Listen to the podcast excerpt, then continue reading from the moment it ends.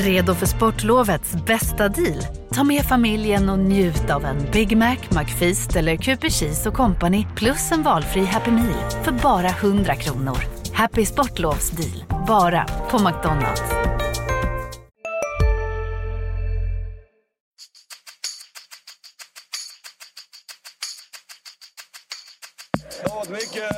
Mycket snack om det här inhoppet. Det är svårt att förbereda sig. Va? Så att, det, det är mycket känslor som väller över.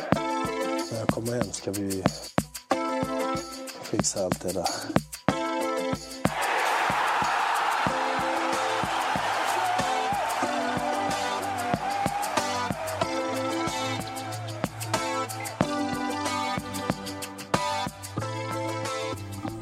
Välkomna tillbaka till MFF-podden. Det här är avsnitt nummer 182. Jag heter Fredrik Hedenskog. Jag har sällskap av Fredrik Lindstrand och Max Wiman. Hur står det till? Det är bra. Solen skiner, det är rätt varmt ute. Det är Ja, bra. det beror alldeles på var man står kan jag Ja. meddela. Men det har blivit varmare uppåt dagen. Ja, Det finns hopp om sommaren efter en grå gårdag.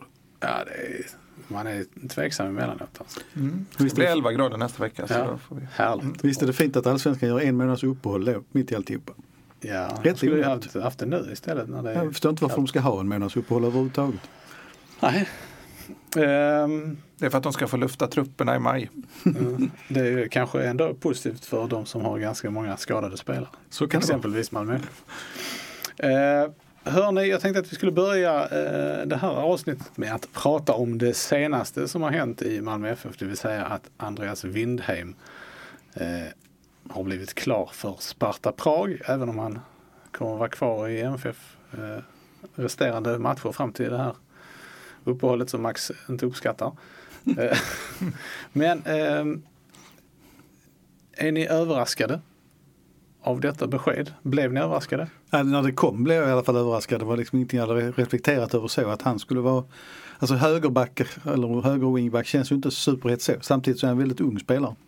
Eh, vad jag förstår så var det ganska stort intresse runt honom i vintras och det hade kanske känts rimligare om han hade gått redan då. För våren har ju inte varit eh, kanon som han själv uttrycker det. Att det har varit en ganska märklig vår för honom. Varför sker övergången nu då? Kan man gissa något om det?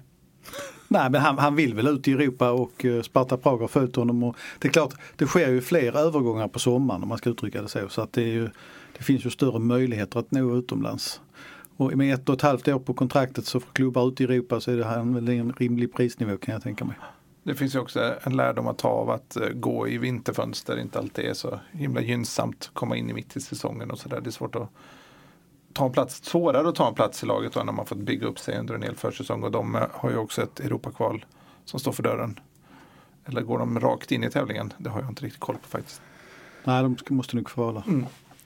Ehm, men är det, alltså för, för att fortsätta där så är det ju Ser ni någon anledning sådär, eh, till, till varför det har fungerat sämre för Windheim under våren? Nej, nej, egentligen inte. Det, det, det är lite, alltså, ja, han har ju egentligen alla ingredienser för att bli en riktigt bra fotbollsspelare. Men vi kanske glömmer ibland att han bara är 23 år fortfarande. Han hade ju en peak i Europaspelet och han var väldigt duktig även mot Chelsea i de matcherna. Eh, men han har ju, tycker jag, då en, en brist i det allra sista. Det som Anton Tinnerholm fick träna på väldigt mycket sista halvåret i Malmö. Att, att eh, när man slår inlägg verkligen se upp och leta efter medspelare och inte spela bollen på chans som det känns. Nu kan det vara så att han är tillsagd att spela på en viss yta, jag vet inte. Men det har sett ut som det är mycket på chans. Jag tror det sitter mycket i huvudet. Det var väl lite som för laget i stort. Eh, hade ju problem att ladda om efter Chelsea. Jag kan tänka mig att det, det ligger någonting där bakom också. Han har väl också mycket möjligt påverkas av de här klu- äh, intresserade klubbarna här i vintras. Att, att den diskussionen har, uppstått och han liksom blev varse av att oj, det, jag gjorde riktigt bra ifrån mig i Europa. Och det hakar på. Det är, det är svårt det, det är liksom, det är svårt att hitta någon rent speltaktisk bit som gör att, eh, att det inte har stämt. Han gör ju egentligen inget speciellt annorlunda nu än vad han gjorde i Jag har höstas. fått ibland lite känsla av att det, att det ändå kanske passade honom bättre att spela framför och snett utanför Lasse Nilsen eh, jämfört med Erik Larsson. Som ju kommer lite mer, fortfarande kommer lite grann i den ytan emellanåt. Mm, ja, att han liksom lite Ja, samtidigt så spelade ju Lasse Nilsen de första omgångarna och då, det var inte så att han var bättre i de matcherna.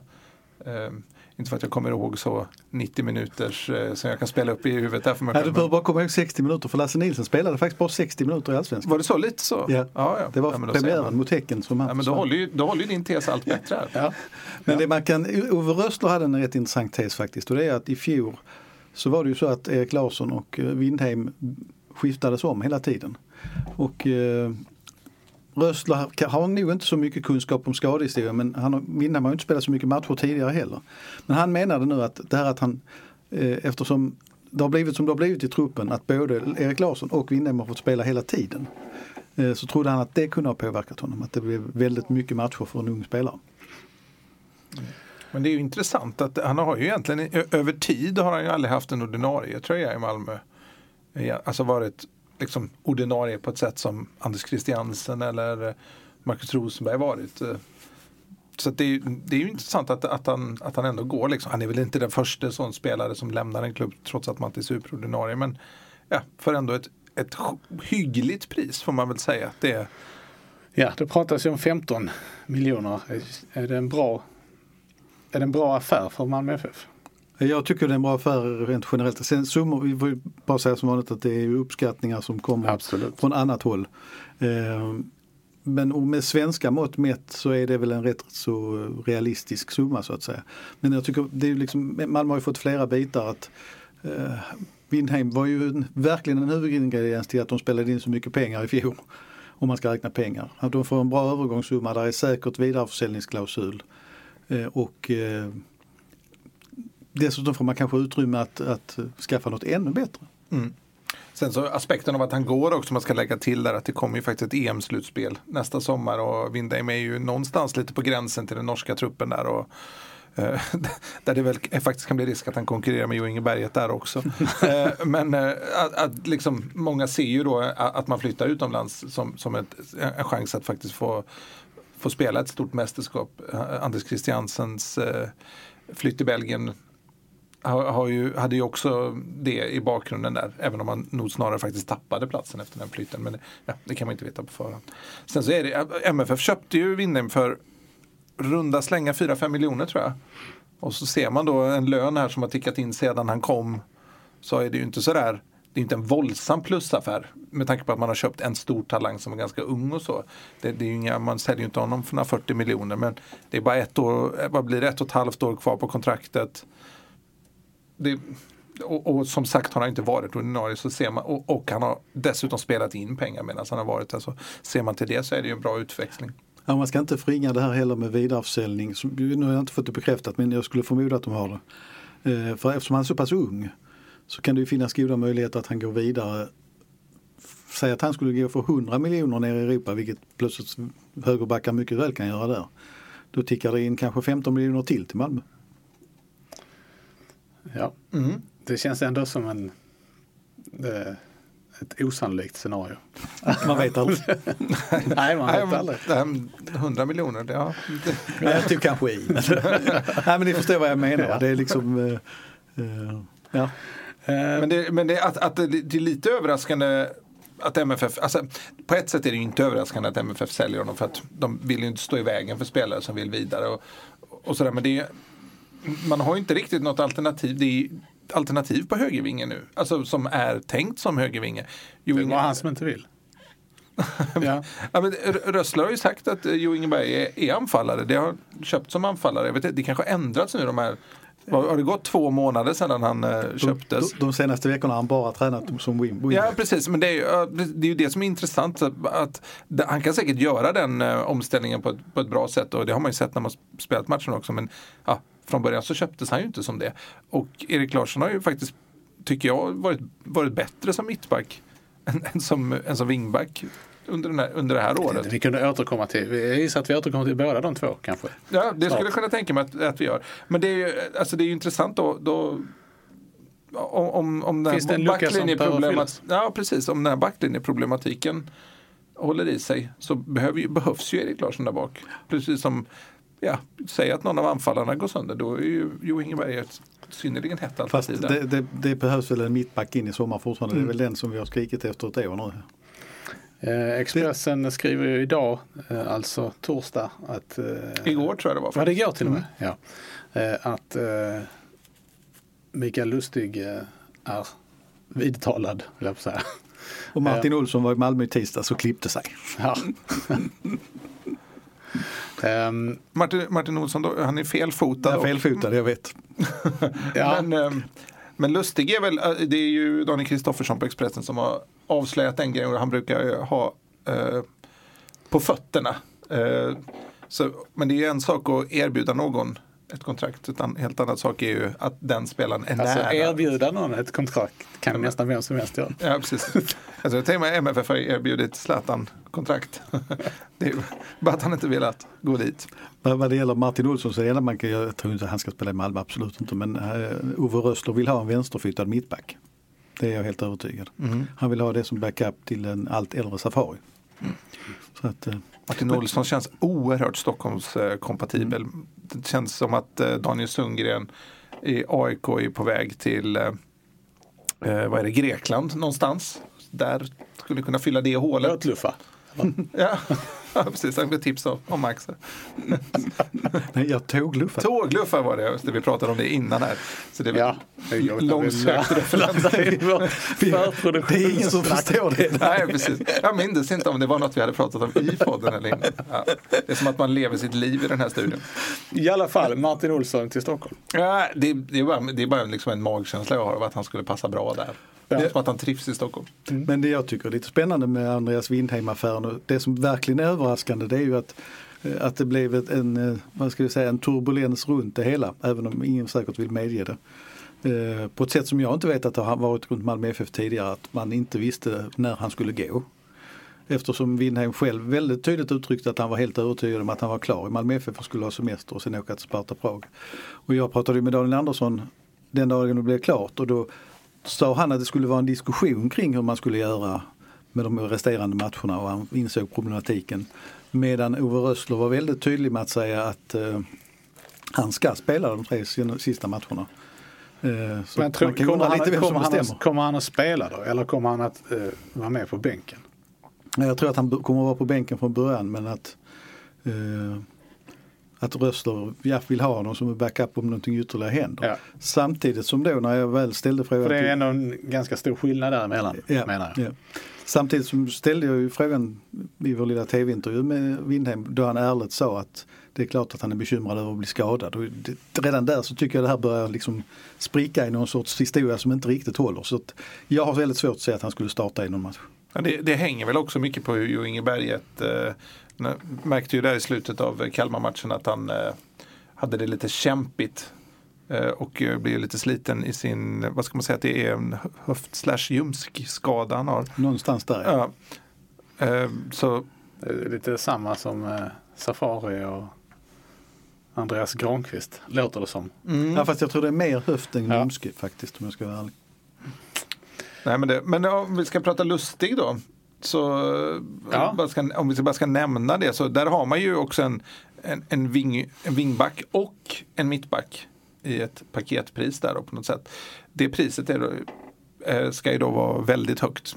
Det kan man ju tänka sig med tanke på att eh, spelaren har en gedigen eh, utlandskarriär och fortfarande är bofast i landslaget och sådär. Och eh, ja, det, det säger ju sig själv. Enligt, enligt Expressen så ska han ju ha liksom ett högre löneanspråk än vad Sebastian Larsson har fått i AIK till exempel. Eh, AIK ska ju för övrigt också vara sugna på, på Lustig men han ska då också ha erbjudanden från utlandet eller att stanna i Celtic och förlänga sitt kontrakt. Man skulle kunna säga att han, eh, alltså, om man bortser från lönestrukturen i Malmö FF så, så har han ju, kan han ju göra krav på högre lön än vad Sebastian Larsson kan. Ja, ja. Ja absolut. Tycker Men vi, visst, om, om vi tittar rent, eh, rent spelarmässigt så vore det ju en, ett jättebra nyförvärv förstås. Och liksom den här internationella erfarenheten har ju spelat oerhört mycket i Champions League och Europa League för den delen. Ehm, men eh, jag känns ändå som att den affären är långt bort från att hända. Han har ju liksom ingen koppling till Malmö. Det känns som att när man flyttar hem på det viset, han har familj och sådär, att man, att man gärna ska ha liksom det här nå- någonting extra som gör att man vill, vill bo i stan. Men han, han, han har väl ingen, när väl ingen speciell dröm om att föra ut Malmö FF i Europa och göra dem till en stormakt där. Han har ju spelat jättemycket i Europa redan.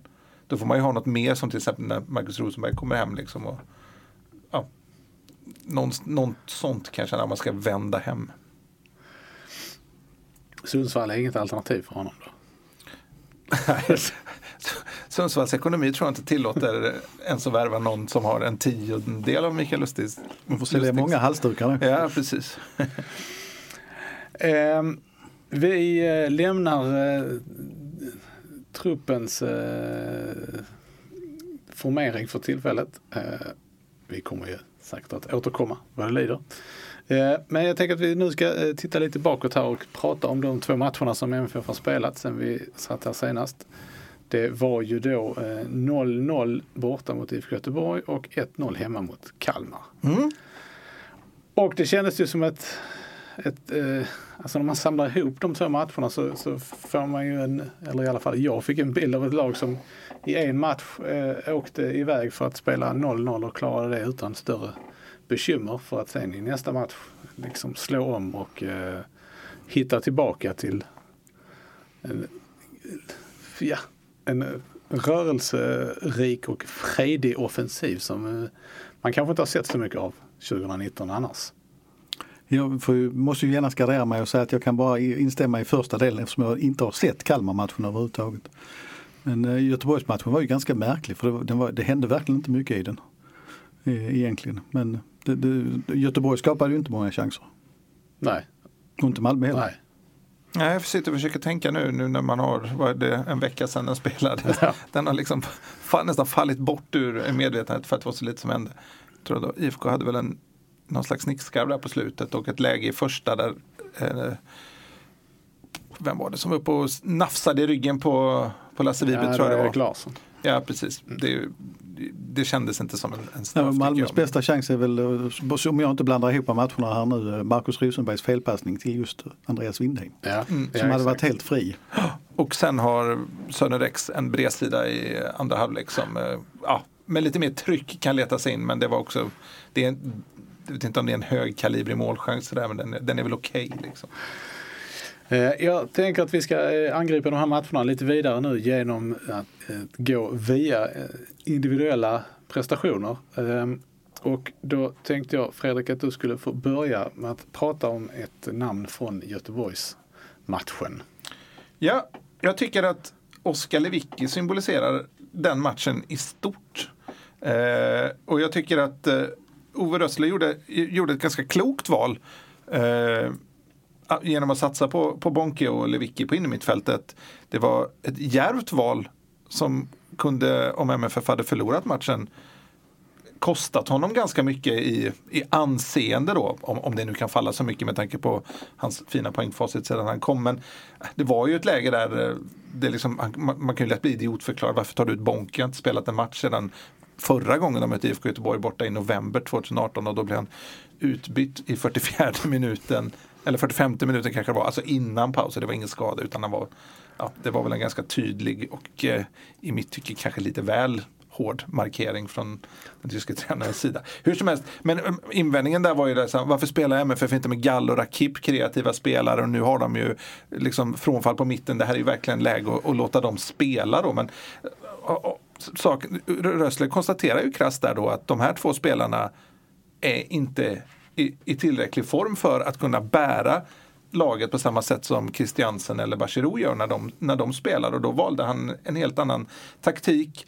Just Dels på grund av det men också på grund av att det faktiskt var IFK Göteborg borta och med vad de har åstadkommit på hemmaplan. Liksom krossat AIK, Elfsborg och HIF. Eh, det är liksom MFF kan ju åka upp och försöka spela så som de skulle gjort med Christiansen och Bachirou. Men eh, med Gall och Rakip och, och kanske åkt på och kanske sett bra ut under perioder av matcherna men ändå förlorat och blivit straffade när Blåvitt ställt om. Nu valde man den säkra vägen, man täppte till och man fick åka hem med, med en eh, poäng då. Det är ju det är ju bättre än vad de flesta har gjort från, från Ullevi faktiskt. Eller från gamla och nya Ullevi. De har ju bytt arenor där. Men det, det är ju inte guldspel men eh, en resultatinriktad taktik som i förlängningen kan innebära guld. Så det är så. Och, liksom Lewicki och det som han gjorde med att han personifierade insatsen på något sätt är ju att de, defensivt fanns ju egentligen ingenting att klaga på. Säker, säkert spel eh, och eh, Dessutom visar han ju upp en, en, slags mångsidighet som laget i stort gjorde, att man faktiskt kan hantera rätt stora personella förändringar. Men Lewicki har ju under den här säsongen visat att han kan spela med vem som helst på vilket sätt som helst nästan. Eh, nu fick han Bonke bredvid sig som har knappt gjort en match. Och eh, under, an, under andra halvlek så flyttade han sig han ju ner i backlinjen och agerade lika säkert där som att han hade spelat på den positionen i hela matchen egentligen. Och alltså hans passningsskicklighet när han får spela eh, det säkra spelet, när, inte, när det inte finns de här riktigt kreativa kraven på honom. Det är ju, är ju fläckfritt egentligen. Han håller ju bland seriens högsta passningsprocenter. Och det har han väl egentligen gjort sedan han kom till MFF så att där finns inte så mycket an, an, liksom anmärka på. Och när MFF, den här perioden de har varit inne nu där det är mycket skador och slitning och folk som behöver byta tidigt i matcherna så är ju Lewicki ovärderlig och man sjunger liksom inte hans lov tillräckligt mycket. Eh, egentligen. Eller, eller så har vi gjort det, men jag vet inte. Men jag, tycker, jag passar på att göra det en gång till för jag tycker att han, han är så oerhört nyttig i sådana lägen. Och, ah, det blir ofta att, att liksom man belyser honom när, när MFF ska spela kreativt och han inte riktigt har passningsfötterna för att luckra upp framåt. Liksom. Och, och det, är väl, det kan väl göra här nu också det, för Lewicki är ju också lite en förklaring tillsammans med Bonke varför MFF står för en ganska, ja, vad ska man säga, mer eller mindre bedrövlig offensiv insats. Det var inte många kombinationer på motståndarnas planhalva som, som satt. Rosenberg och, och Molins fungerade inte alls ihop och den här frejdiga vänsterkanten som vi vant oss vid att se med MFF med Rex och Traustason var ju också, ja, den funkar ju inte alls där. Och Lewicki är ju lite för försiktig eller lite för tveksam eller man riktigt, inte riktigt bemästrar det offensiva mittfältspelet och det känns som att för varje match som går så visar det sig allt mer att han gör den vandring som Daniel Andersson gjorde och som Anders Andersson gjorde. Att det är mittbacksrollen som blir mer och mer tydlig för honom. Att det är där han ska vara. Jag tänkte innan jag släpper in dig Max, eftersom jag vet att du vill byta, byta lagdel, så, så tänkte jag bara att vi kunde ta några ord till om Bonke, eh, Bonke Innocent just eftersom det är, var så himla länge sedan han spelade. Jag tycker ändå att det ser eh, ut som det har hänt någonting där. Han ser, lite, han ser starkare ut. Alltså han kan, han kan på ett annat sätt vinna närkamper utan att spela fult. För det var i princip det vapnet han, Fast han, han fick ett gult kort Ja det fick han, det fick han absolut. Men sen så, han lyckades ändå hantera den situationen. Ja det var strångt av honom och man ser på honom tycker jag under de här matcherna. Att, att han är jäkligt sugen på att hoppa in i en eh, duell men håller tillbaka lite grann. Men eh, just i den här vevan råkade jag titta på passningsprocent. Eh, och eh, han har ju bara en match att ta hänsyn till och han hade 100 procent. och det är där tror jag den stora skillnaden. för att i de andra matcherna när han har fått chansen så även om det har börjat bra så har han efter ett tag börjat sprida bollar upp på tolfte raden på läktaren. Minst ett par stycken. Och då tror jag han har blivit stressad, han har fått skäll både från bänken och från lagkamrater. Man har ju sett nu någon vecka tillbaka att Rössler har pratat med honom på träningarna vilket inte har hänt nästan. Alltså det känns precis som någonstans där att han har blivit tillsagd att gör bara det du ska nu och försök inte liksom slå crosspassningar som du inte riktigt behärskar. Så att uh, han har nog blivit lite tryggare. Sen är det ju imponerande måste jag säga att han, att han har, har hållit ut som han har gjort. För han, han säger ju nästan aldrig någonting men han gnäller ju aldrig. Uh, man ser aldrig på träningar eller någonting sånt att han, han visar något dåligt humör utan han, han gnetar på. Och, uh, då har man kanske det med sig när man väl får chansen också. Eh, då ska du få eh, fortsätta Max. Hopp. eh, nej men om man tittar lite på antalet insläppta mål i Malmö FF så har de släppt in åtta mål i Allsvenskan. Eh, det innebär att det är lika många mål som eh, det AIK som vi liksom alla hyllar liksom för att de aldrig släpper in mål i princip dissekerar vi det lite mer så är det så att MFF släppte in ett mål mot Häcken i premiären och tre mål mot Sundsvall. Det är fyra och då är det fyra kvar. Att Malmö har spelat åtta matcher efter där. Eh, släppt in mål i fyra av de matcherna, alltså hållit nollan fyra. Eh, ett mål i varje match och vi kan säkert gå ner på att det har varit något enskilt misstag och det har varit eh, jag vågar nog påstå att det nästan inte varit några tagbara bollar. Jag tittar lite på målvakt Hedenskog här. eh, så att en spelare som jag tror att vi har pratat lite för lite om just nu och det blir gärna så i Malmö FF. Det är nog Johan Dahlin. Eh, som jag tycker har blivit tryggare och säkrare och mer bestämd i sitt spel faktiskt den senaste tiden. Jag menar inte att han var osäker innan men agerat med lite större självklarhet i sitt straffområde. Sen vet jag att många tycker att han borde sätta igång spelet snabbare många gånger. Och det vet jag inte hur mycket som handlar om taktik. Eh, alltså att han har besked att göra på ett annat sätt. Men eh, jag tycker att han har lyft sina, lyft, eh, vad ska man säga, lyft nivån ytterligare ett snäpp och eh, med försvarets hjälp så, så, är det ju faktiskt så att fyra hållna nollor fyra insläppta mål på åtta allsvenska matcher är ett fantastiskt facit som vi lätt glömmer bort. Jag kan tänka mig att eh, om jag liksom använder spegeln av mina egna blygsamma erfarenheter att, att Dalin Dahlin också påverkades i början av, av det här av skadorna i backlinjen. För det är ändå, det är ändå ett ganska liksom långtgående samspel som man har och när det blir förändringar där, framförallt så många som det blev, så tar det ju en stund att vänja sig vid det. Och nu känns det lite grann som att det har satt sig, samspelet mellan Dahlin och, och den nya backlinjen om vi kallar den så. Ja, för vi, vi hyllar ju Rasmus Bengtsson väldigt mycket för MFFs defensiva stabilitet och då har han ju ändå stått för eh, några sådana personliga misstag som har faktiskt kostat mål. Men, eh, men hans helhetsinsatserna har ju överskuggat det. Men Dalina har vi ju som sagt eh, inte pratat om i, det, i, i den aspekten som att det är lite som att han har ju bara stått där bak. Men så, han har ju förstås sin, ja, egentligen stort, en, en i alla fall nästan lika stor del i hur det har sett ut. Hans bekymmer är ju ofta, som det alltid är i Malmö FF också, att han har väldigt lite att göra långa stunder. Men jag, jag inbillar mig att då är det ännu viktigare med de här ingripandena, mer symboliska, liksom gå ut och plocka inlägg och visa att du bestämmer i straffområdet. Att du liksom är med och inne i matchen. För sen har du kommit, han har ju haft något riktigt eh, svårt läge. Det är ju framförallt en hemmamatch som jag försöker komma på vilken det är nu där han gjorde en strålande räddning. Eh, Elfsborg hade han väl någon va? Elfsborg är det nog va? Och sen har han ju en eh, bra på slutet mot Falkenberg också. Falkenberg också, just det. Eh, så att eh, det känns som att han naturligtvis alltid är en mycket viktig kugge men att han är en väldigt viktig del av att Malmö faktiskt ligger där de ligger.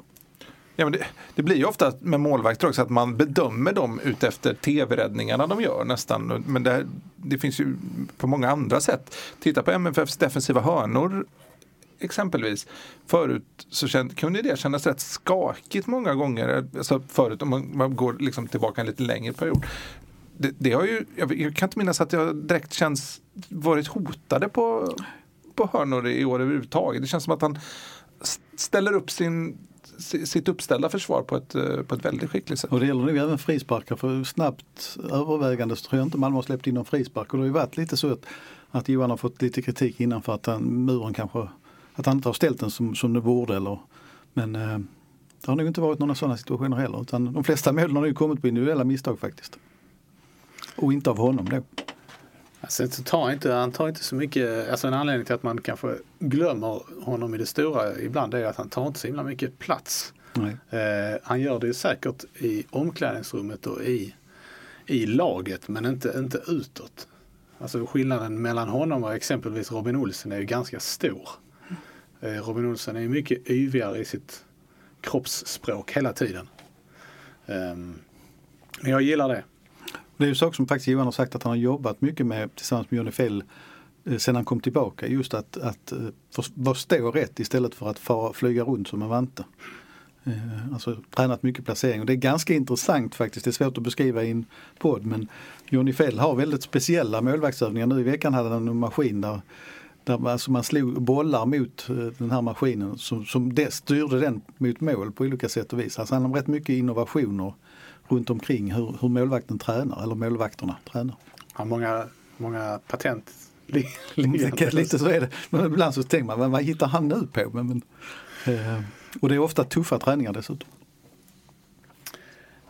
Med detta så lämnar vi Göteborgsmatchen och går över till... Eh...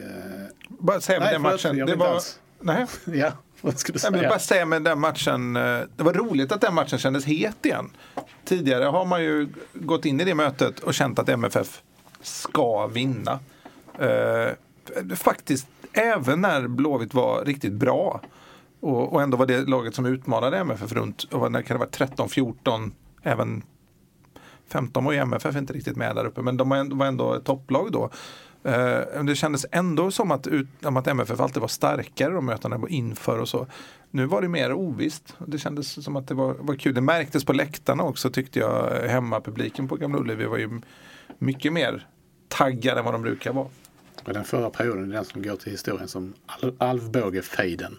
Lite så. Det var en, det var en skön rivalitet ja. men det kändes ändå som att styrkeförhållandena var lite för ojämn för att det skulle bli sådär riktigt spännande. Ja, och det gjorde det. Men jag tycker också att eh, det är fel att, att, klaga för mycket på underhållningsvärdet i denna matchen. Eh, man kan ta en sån 0-0 match ibland. Har du också valt att bli egen? Då är det viktigt att skaffa en bra företagsförsäkring. Hos oss är alla småföretag stora och inga frågor för små. Swedeas företagsförsäkring är anpassad för mindre företag och täcker även sånt som din hemförsäkring inte täcker. Gå in på swedea.se företag och jämför själv. Hej, Synoptik här. Hos oss får du hjälp med att ta hand om din ögonhälsa. Med vår synundersökning kan vi upptäcka både synförändringar och tecken på vanliga ögonsjukdomar. Boka tid på synoptik.se. Det liksom är om det är bra, bra kamp på planen så att säga. Det behöver inte vara eh, tio målchanser åt varje håll för att det ska vara underhållande. Nej. Sen är det inte kul om det är så varje gång. Jag skulle säga för mig som för en gång skulle låg i soffan och kolla på matchen, jag tyckte det var rätt trist. Ja. Men jag, alltså, jag förstår vad du menar. Nu går vi vidare till eh, Kalmar-matchen och då eh, lyfter Fredrik upp ett namn ur sin hatt. Ja, jag landade, jag tänkte mycket på, jag tyckte det var mycket som var bra, eh, många som var bra.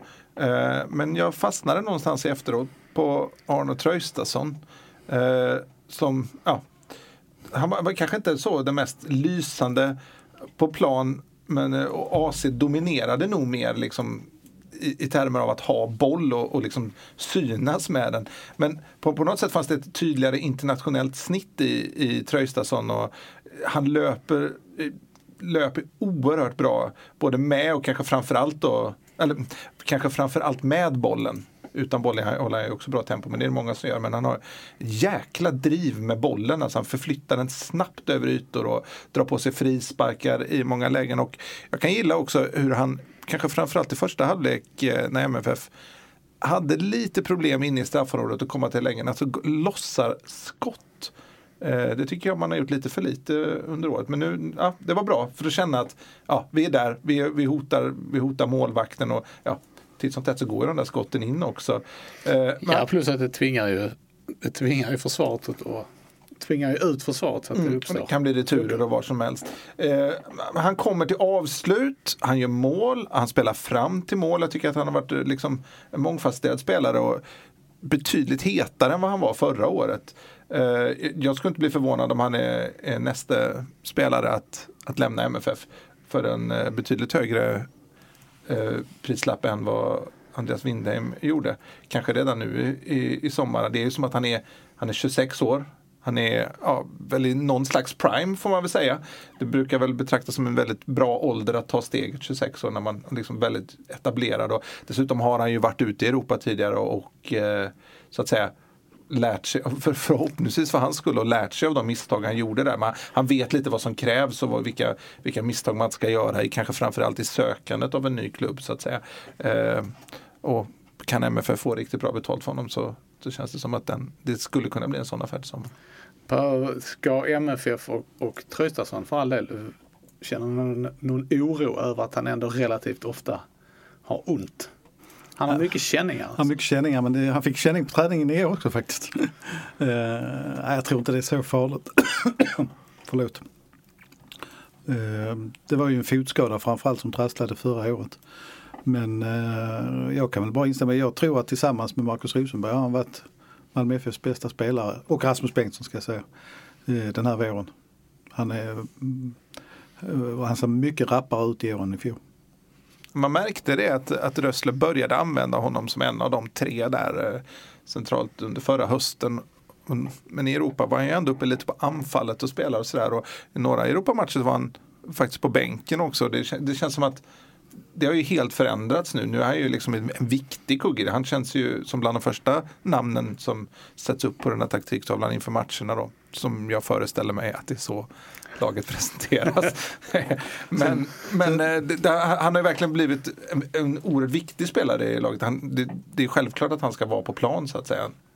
Sen ska man, man ska ju, eh, jag tror också att han är den spelare som, som har bäst odds att få anbud utifrån. Men man ska komma ihåg i andra änden att han faktiskt just i samband med Chelsea-matcherna blev pappa. Eh, och eh, vi- har inte pratat så mycket detaljer om honom men jag tror att han trivs väldigt bra i Malmö. Och Just det där med familjesituationen kan ju påverka en del av att man väljer tryggheten istället för att ta ett nytt äventyr. Ehm,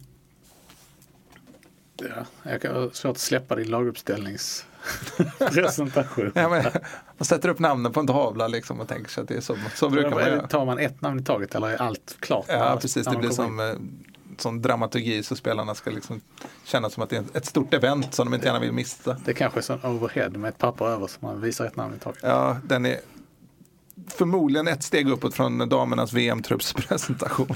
Kan vara tidernas värsta presentation av landslaget. Man, det, det, vad tråkiga, det, får trå- ni googla. ja, det tråkiga med det är att man överhuvudtaget inte var överraskad över att det blev en tråkig presentation. Eller? Eh, och ska vi spinna nu på det här presentationen så kan man ju säga att Rössler gör ju nästan den ute på planen. Vi har ju sett flera tillfällen eh, när, på den här lilla kvarten vi får se dagen innan match när han går och lägger armen runt någon spelare som antingen rätar på ryggen och ser eh, nöjd ut eller eh, kröker ihop den och eh, vill lämna Rössler så fort som möjligt. Eh, när de får besked om huruvida de är med eller inte. Det har faktiskt snällt varit att så flera det är gånger. snällt att han gör det. Ja, men det har varit så flera gånger faktiskt att man har kunnat gissa sig till att eh, här kommer beskedet. Kanske slut med det nu efter detta. Kan vara Jag så. inte sett igenom det. Ehm, mer om Kalmar-matchen. Fler namn? Fredrik, har du jag får väl kasta ur ett namn Ja. till då eftersom Max inte såg matchen här. Men eh, jag, jag tänkte lite på Jo Inge Berget som startade som wingback. Vad tänkte du då? Jo, jag tänkte så att jag, jag, jag tycker inte MFF har fått ut speciellt mycket av honom sedan han kom hem. Ehm, eh, han, han saknar ju en försäsong och så har han haft lite oflyt med någon känning här och någon, någon skada där. Och sen har han stått för några, liksom, han, han gör ett inhopp mot Hammarby. Har jag för mig det var ett inhopp i alla fall.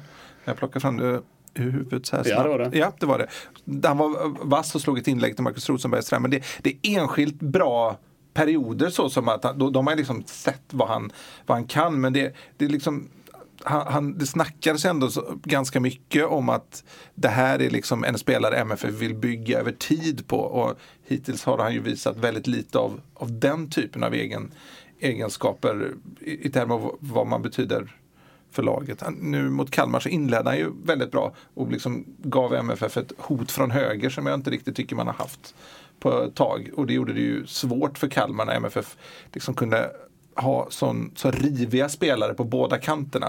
Eh, men han mattades lite och andra halvlek så byter han ju då med, med ja, en känning är det väl egentligen mest. Han har en överansträngning så att säga. Eh, liksom lite svårt att förklara varför han inte riktigt kommer till, till sin rätt än. Det kan vara lite oklar rollfördelning. Positionen är trots allt ingen han har spelat på på ett väldigt långt tag. Eh, timingen är inte riktigt där. Och, men, men utvecklingspotentialen finns ju där. Han är ju i grund och botten. Men en assist på sju matcher hade man kanske förväntat sig lite mer där skulle jag kunna säga. Jag tror det man får komma ihåg är att han kom in väldigt, väldigt sent. Han- Jag försöker minnet, han var ju inte med i Marbella på träningslägret och det dröjde ytterligare innan han eh, var inne i han, gjorde, han, han kom ju i samband med Alkmaar-matchen. Då gjorde Ja. han väl ett mål där Gjorde nere också. Klackade in en boll. Ja, han spelade väl På- från start första gången mot. Norrköping borta i den förlustmatchen. Kan vara så ja. Sen har han ju haft då lite skadebekymmer och lite som har trasslat också så det har nog inte blivit riktigt rytm eh, för honom. Helt enkelt. Plus då naturligtvis får man komma ihåg att Rosenberg och Antonsson gick så bra i början så att eh, det var väl, om jag minns rätt så var det väl en match, var det, eller var det Norrköping han och Molins fick starta, just det, Mm. tillsammans.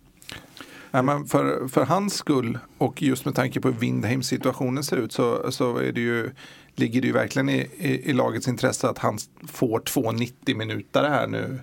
Eh, eventuellt kanske lite mindre, 270 minuter kan man väl säga då med tanke på att det är ett derby som kommer upp sen också. Så att han hittar, sin, hittar, hittar in i den rollen liksom, för jag antar att det är det som gäller nu. De är lite knepig sits vad det gäller matchen nu närmast här mot Eskilstuna eftersom Marcus Rosenberg är avstängd. Eh, och eh, det innebär ju att eh, om Berget spelar wingbacks så har man ju inga anfallsalternativ. Och det är svårt, jag har svårt att se att, att Molins håller för, för många 90 minuters matcher kanske här. Och, så att jag vet inte riktigt, de, de kan ju naturligtvis göra valet att de spelar Molins på topp i 70 minuter och så går han ut och så går Berget upp på topp. Det, det, det, det är en variant men det, de har lite att tänka på just i den matchen. Mm. Um, vi ska, åter... Får jag säga? Ja, ja, jag bara säga att vi ska återkomma till uh, laguttagningar och annat. Jag bara tänkte när jag nu nämner Antonsson. Jag har ju som sagt inte sett Kalmar-matchen. Däremot har jag sett sammandraget och det enda jag såg var Antonsson höll jag på sig. Eh, han hade ju väldigt mycket lägen. Han har ju pratat mycket om att, att han känner att han kommer in i flytperioder och missflytperioder. Och han, det har ju sett lite tyngre ut för honom men på något sätt kan jag nog uppfatta matchen mot Kalmar som ändå som positiv därför att nu kom han till lägena. Och då tror jag att han snart tåar in en boll också. Mm. Ja, det känns också dessutom är, är han nyttig för laget i mycket. Dels så han har ju gjort skapat ytor för Marcus Rosenberg på, på ett sätt som eh, som man kanske inte riktigt tänker på. Rosenberg har verkligen fått huvudrollen offensivt så här långt. Så där har han ju varit väldigt nyttig. Och sen är han ju med i upprinnelsen till det avgörande målet också. Han är ju blixtsnabb i hur han spelar vidare den här eh, Papadiofs olyckliga brytning där då, som blir som en skär ju genom Kalmars mittfält. Så att, eh, och Antonsson är blixtsnabb där med att spela Rosenberg eh, i ett slags väggspel och Rosenberg skickar vidare den till med viss möda till Christiansen. Så att han, han är ju, det är inte så att han är osynlig i spelet heller. Jag tror också att han kommer komma igång. Jag skulle inte bli förvånad om det sker redan nu på, på lördag. Eh, jag tänkte också eh, innan vi går vidare att vi skulle prata om en spelare till som vi kanske inte heller har pratat tillräckligt mycket om, nämligen Erik Larsson. Eh, jag känner att, som du var inne på Fredrik, att han, det känns ju som att han kommer till sin rätt bättre nu än, än som wingback. Och du eh, har ju också hamnat i ett läge, tycker jag, där, där han har spelat till sig den platsen nu. Alltså, jag kan lite grann känna att Lasse Nilsson, när han eh, väl är återställer i matchdugligt skick så, så är han nummer två på den positionen. Håller ni med mig? Eh, jag började sitta och snurra. Vi, vi försökte lista ut laguppställning till lördag. Eh, och jag är inte riktigt säker på att Erik Larsson är med där. Därför att det är ju en spelare som kommer in som är med på räkningar nu riktigt mittback och det är Frans Brorsson. Det fanns väl vissa tecken på som skulle kunna tyda på att det blir en trebackslinje med Brang Safari, Oskar Lewicki, förlåt Frans Brorsson i mitten och Oskar Lewicki till höger. Eftersom Oskar också har kommit bäst till sin rätt kanske som mittback. Eh, och att Rössler kanske inte vill plocka bort Bonk Innocent direkt nu rent psykologiskt. Men eh, så jag vet, jag vet inte riktigt eh, vad jag tror om eh, Eriks framtid faktiskt. Nej, det skulle ju vara rimligt att han spelar ute till höger och speciellt om Berget ändå var lite sliten efter senaste match. Att han går in och gör en match mot Sundsvall istället och Erik Larsson spelar på, på kant i denna. Samtidigt ska ju Frans Brorsson, det var ju ett bra tag sedan han spelade match senast. Så det är ju svårt så svårt läge och, och liksom om man ska köra honom från start. Men å andra sidan, vilken match skulle vara bättre att få som första än AFC hemma? Någon, någon gång måste han ju mm. spela den på något sätt känns det som. Och det är också svårt att komma in som mittback liksom att få en första halvtimme eller något sånt där. För då förutsätter det nästan att Malmö leder med 3-0. Eh, det som var lite intressant när vi stod och studerade laget då det var faktiskt att eh, den första uppställningen som Röster körde i trebackslinjen det var Safari, Frans Brorsson och Erik Larsson. Eh, vi hade stått och diskuterat om, om Lewicki skulle vara mittfältare eller mittback. Han startade faktiskt bland västarna, han var inte med i, i den, för då spelade Bonk Innocent på mittfältet. Så att eh, det kan bli lite spännande med laguttagningen denna gången faktiskt. Kul! Ja, det har varit eh, lite förutsägbart en del, förutom Bonkes start mot Göteborg kanske. Men I förlängningen så tror jag att den här perioden kommer att vara ganska, även, den är ju viktig för laget även här och nu förstås. Speciellt när de, när de vinner och, och liksom börjar skaffa sig lite marginal till lagen bakom. Men att, att MFF får lufta truppen, må så vara att det är ofrivilligt, kommer man ha igen längre fram. Liksom, för att, ett problem mot IFK Göteborg tyckte jag, det var egentligen första matchen där MFF behövde få till en lite större rokad. Eh, det var ju att det syntes att många var lite, lite rass, eller vad ska man säga, lite man inte spelat på, lite ringrostiga, det var det ordet jag sökte. Eh, Lewicki på, på mittfältspositionen precis som Bonke på mittfältspositionen och eh, även Molins som anfallare från start och sådär. Det var, det blir liksom lite för mycket på en gång och det finns ju inget naturligt sätt att hålla igång spelarna på egentligen. Det är ju, det är ju ett dilemma för, för klubben. Nej, det är många som får matcher nu, det är helt rätt. Mm. Det känns, och det, men det gäller att visa framfötterna och ta chansen då. De som står närmast på tur behöver göra det är väl Erdal Rakip och inte minst Romain Gall som inte riktigt tycker jag har tagit chansen när de har fått den. Men känns det inte ändå som att eh, de kommer att få möjligheten här i varsin match? Om vi tar matcherna mot AFC och Sundsvall. Eh, nu försöker jag tänka igen hur det ser ut uppställningsmässigt eh, på träningen. Men om vi räknar med backlinje med frågetecken med Erik Larsson och med Erik Larsson ska spela wingback. Så är ju Rex, an, vad heter det, Rex Christiansen. Och Christiansen är givna inom mitt fält och jag tror faktiskt att. Bonke, ja förlåt, Tröstason ja. Och jag tror faktiskt att Bonke Innocent får en chans till. Och i så fall så står Gall och eh, Erdal utanför laget. Man, det, som kan tala, det som talar emot det kanske kan jag känna det är ju att eh, det som man har sett av Bonke Innocent så är det ju inte hemmamatcher med 75 eh, bollinnehav där han kommer nej, nej. som bäst i sin rätt. Eh, vilket man ju skulle kunna tänka sig att det blir, inte minst mot AFC. Nej, det handlar ju lite grann om var man, man väljer att sätta Lewicki. Eh, så spelar, spelar Erik Larsson eh, på mittback då spelar ju Lewicki på mittfältet. Mm. Förmodar jag även om han började i västarna så att säga. Men det, det, det, jag tänker mer i den här psykologitermen av att har nu Bonk Innocent gjort två bra matcher så kanske det är hårt att inte ge honom en halvlek till. Mm. Det är också svårt att se Rössle välja ett mittfält, även om det nu är så att säga inom citationstecken bara AFC hemma, ett mittfält med AC, Traustason och Gall. Det, det är lite, lite för Nej, det, obalanserat det, det, vad man ska säga. Mm. Det blir det inte, det tror jag inte. Ja, det, men det är, det är roligt att det finns lite saker att diskutera här kring laget. Mm. Vi kan vara överens om att Antonsson och Molins spelar anfallet. I men vad, vad, tror ni om ni försöker er, eh, sätta er in i eh, Rössler och eh, resten av eh, lagledningens eh, tankar? Alltså vilken, hur prioriterar man här? Vad, liksom är, vad väljer man först? De här där det finns val att göra? Ja, det är där, jag hade gärna velat ha svaret på den frågan men jag känner att jag har inte det riktigt. Eh, för han tvingas ju ändra i backlinjen hur han än gör på något sätt. Eh, I och med att Rasmus Bengtsson inte spelar ska vi säga. Det är, gör han definitivt inte. Jag vet inte.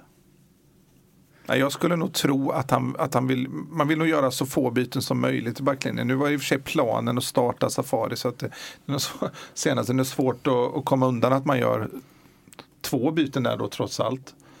Eh, Nej, jag, kan, jag blir inte klok. Nu, när, medan jag pratar så märker jag att jag tänker samtidigt och kommer fram till att, att så blir det nog inte alls. Det kan ju faktiskt bli tre nya spelare i backlinjen då. Kan det kan bli... och, och nu, men jag tänker på det, så liksom mer, Vilka tre startade mot Kalmar? Uh, Bengtsson, Lewicki och Larsson. Och Larsson. Nej, men då tror jag, ja. då tror jag att Lewicki är kvar och så tror jag att det blir uh, um, ska vi se, Frans Brorsson och Berang Safari. Som kommer in som de två nya där då. Och så tar, eh, tror jag man nog vill avvakta berget och spela Erik Larsson till höger.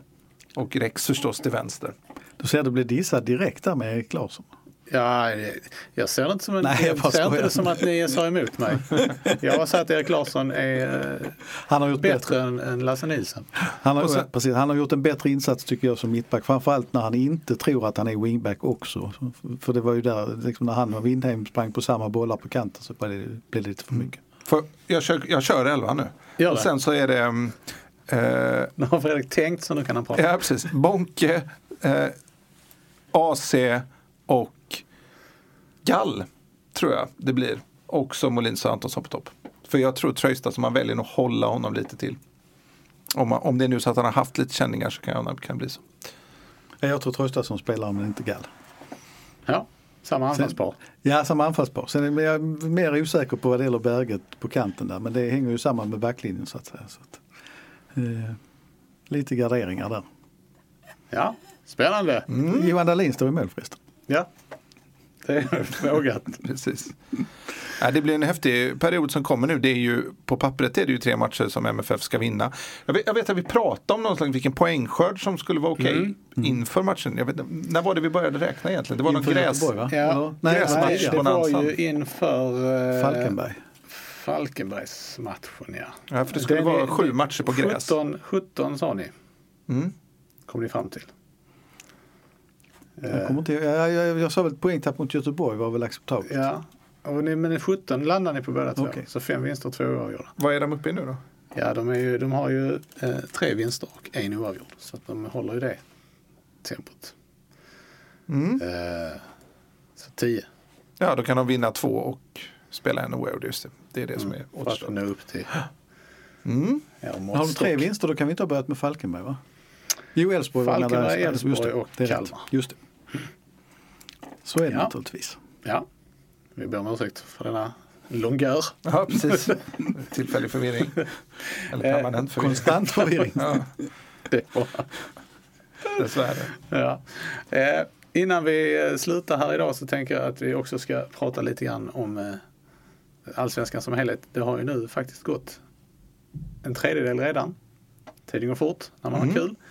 Ehm, och det har, vi gjorde ju någon sorts avstämning efter sex omgångar vill jag minnas. Det har kanske inte förändrats jättemycket sedan dess men det finns ju flera tendenser som kanske har förstärkts. Ehm, och eh, vad, om det är först, liksom, vad är det som sticker ut mest? Det är väl Göteborg fortfarande var i toppen och Norrköping längre ner. Det är väl de två. Om man hade bytt plats på de två så hade det sett ut ungefär som väntat.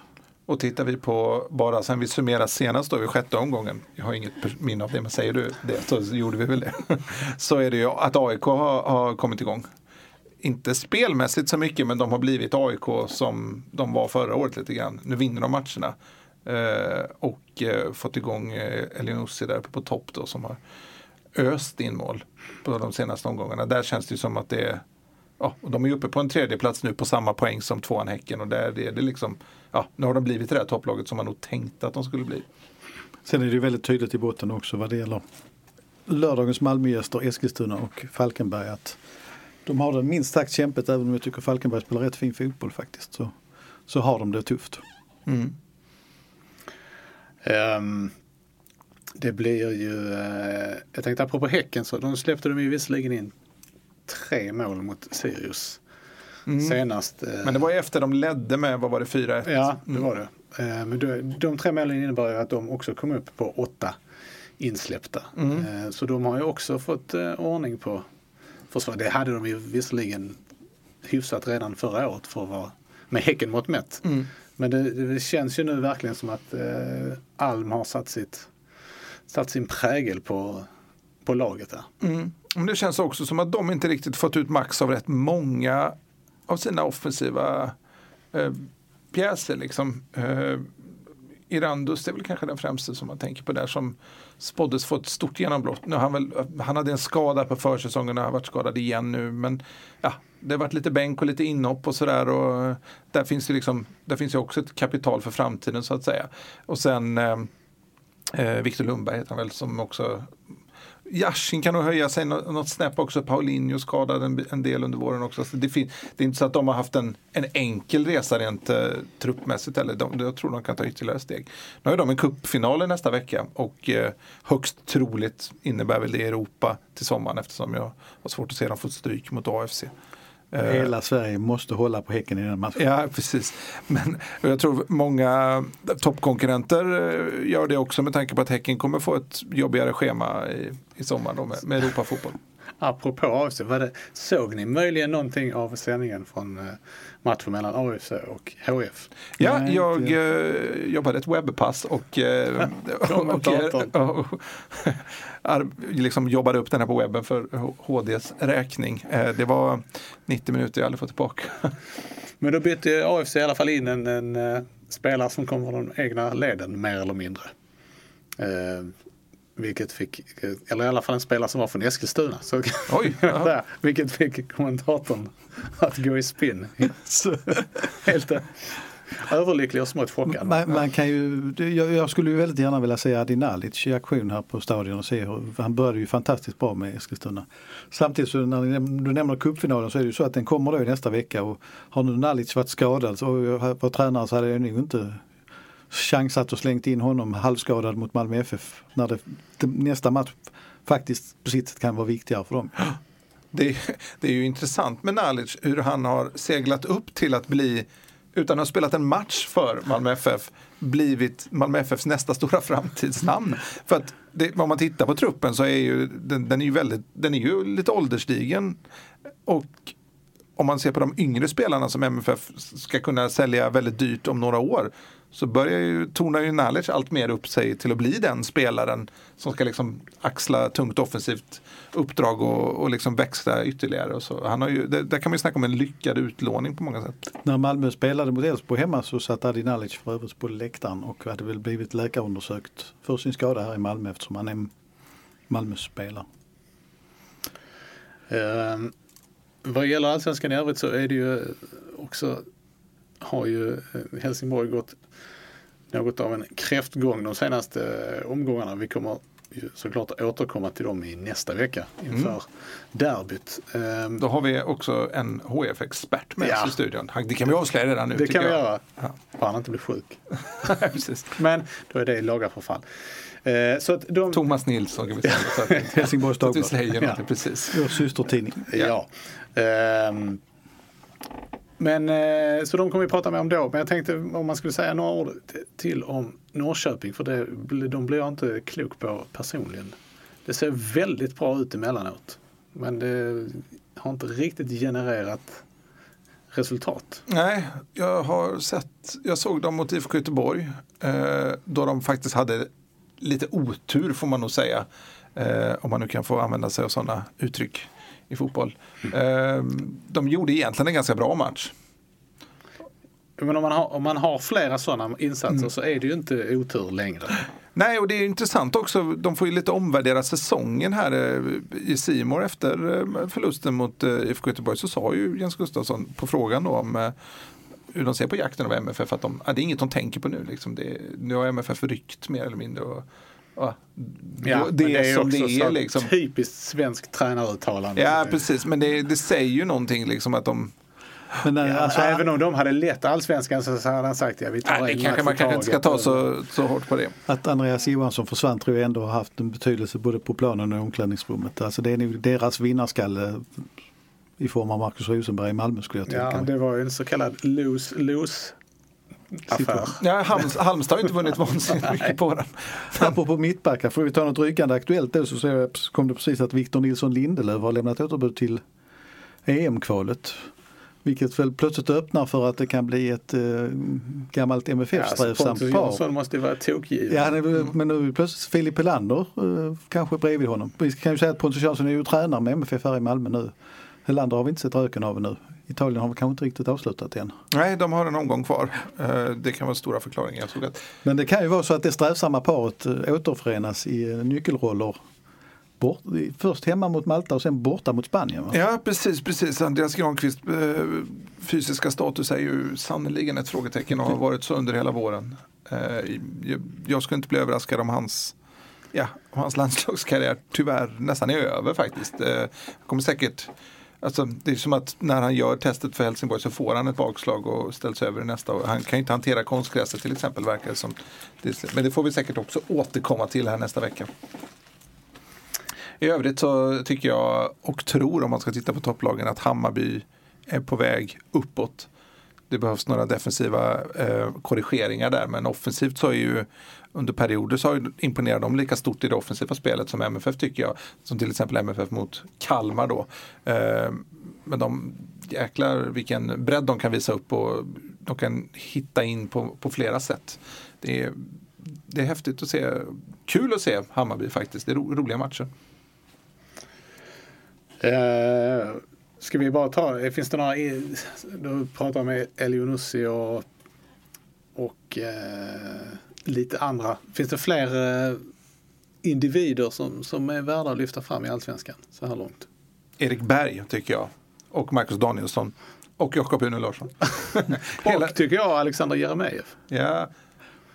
Fast Ja, jag, men han, han ingår ju inte i Djurgårdens backlinje dock, Nej, men jag tänkte, nej, nu tänkte jag generellt. ja, men Erik Berg är väl den som, säga, hade jag varit Jan Andersson så hade jag väl kanske slagit en signal och försökt övertala honom i det läget som har uppstått nu. det är ju så nära från hans lägenhet i Stockholm till Friends Arena. Det är ju bara Han skulle, värma upp, mot, värma upp lite mot Malta, sen in i hetluften mot eh, Spanien. nej, men han skulle nog behöva sin trupp faktiskt. Men jag tror att Djurgården är också ganska intressant. Men just den backlinjen, och de testar ju faktiskt och öppnade för läste jag i veckan att faktiskt börja med en trebackslinje med de här tre pjäserna som är alltså tre av allsvenskans allra bästa mittbackar och kan Djurgården sätta ett fungerande spel med de tre så då kan det bära rätt långt alltså. Tror jag. Ja. Eh, ja, det var det. Var det det? ord. Mm. Max, det ser ut som, nej, det ser ut som du hade något. Nej, Nej, okej. Då eh, hoppar vi det. Klockar ut på ganska exakt en timme här så det känns bra. Härligt. Det här har varit avsnitt nummer 182 av MFF-podden där vi anser att konstgräs ska förbjudas i svensk elitfotboll. Det glömde jag säga förra veckan. Jag ber så hemskt mycket om ursäkt för det. och efter att ha sett eh, Linköping-Rosengård så gud låt dem förbjuda det i damallsvenskan också. Det, vi, vi kan, vi, Det ingår vi naturligtvis, i- det i ingår svensk naturligtvis i svensk elitfotboll Ja. så att det är inte så. Men det var, den matchen visade verkligen usch. Jag heter i alla fall fortfarande Fredrik Hedenskog. Jag har haft sällskap av Fredrik Lindstrand och Max Wiman och ansvarig utgivare är Pia Renqvist. Tack för oss. Hej hej! Hej!